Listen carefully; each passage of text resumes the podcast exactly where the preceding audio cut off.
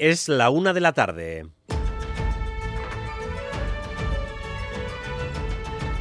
Crónica de Euskadi con Dani Álvarez.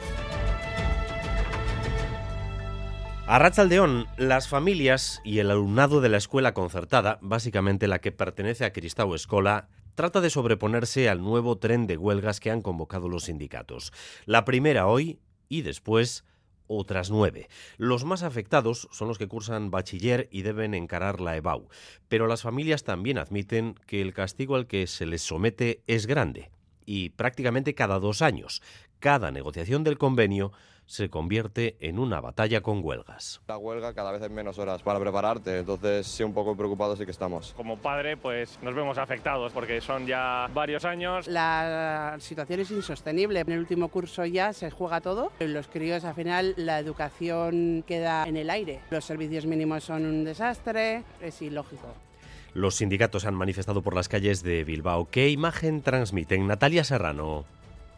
De enfado, Dani, porque aseguran que los servicios mínimos decretados por el gobierno vasco son abusivos, pero sobre todo porque dicen que la patronal Cristavo Escola llega con propuestas tardías e insuficientes. No han pedido, aseguran, la homologación con los salarios de la pública, sino con el IPC para no perder poder salarial. Por eso, miren, Zubizarreta de ELA habla de enfado los planteamientos absolutamente insuficientes, tardíos y con una estrategia de dilatar el conflicto han generado un enfado entre los trabajadores y las trabajadoras y le están instando tanto a las patronales como al gobierno a que planteen propuestas que nos puedan llevar a la resolución del conflicto.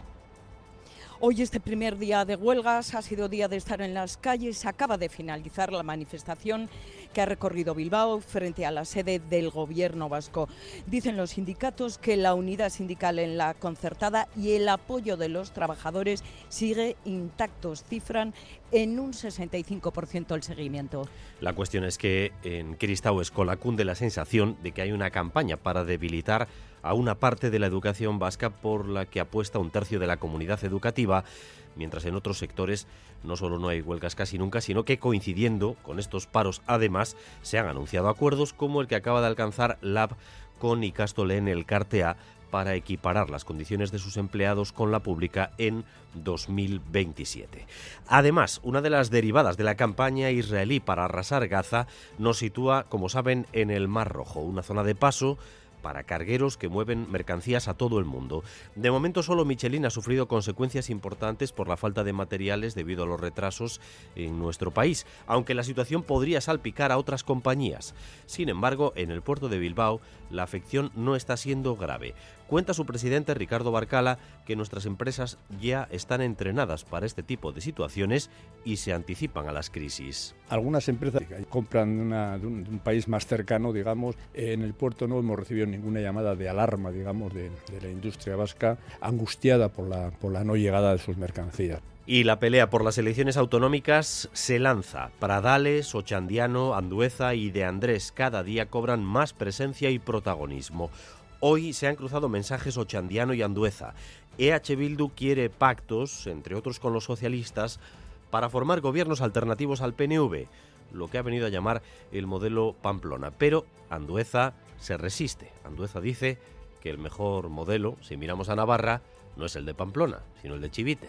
Iruñak eta Nafarra demostratzen du posible dela bestelako zerbait. Horren aurrean behar dugu e, behar ditu gobernu inkluyenteak. Hori da e, AJarekin, hori da PSrekin eta bueno, esker horrekin. Señor Ochandiano, también le podemos preguntar cuál de los dos modelos prefiere. Un gobierno en Euskadi liderado por un lendakari socialista en coalición con el Partido Nacionalista Vasco o un gobierno liderado por EH Bildu y en coalición con el Partido Nacionalista Vasco. No hay otra alternativa. Por tanto, tendrán que decidir. Yo la tengo clara, ¿eh?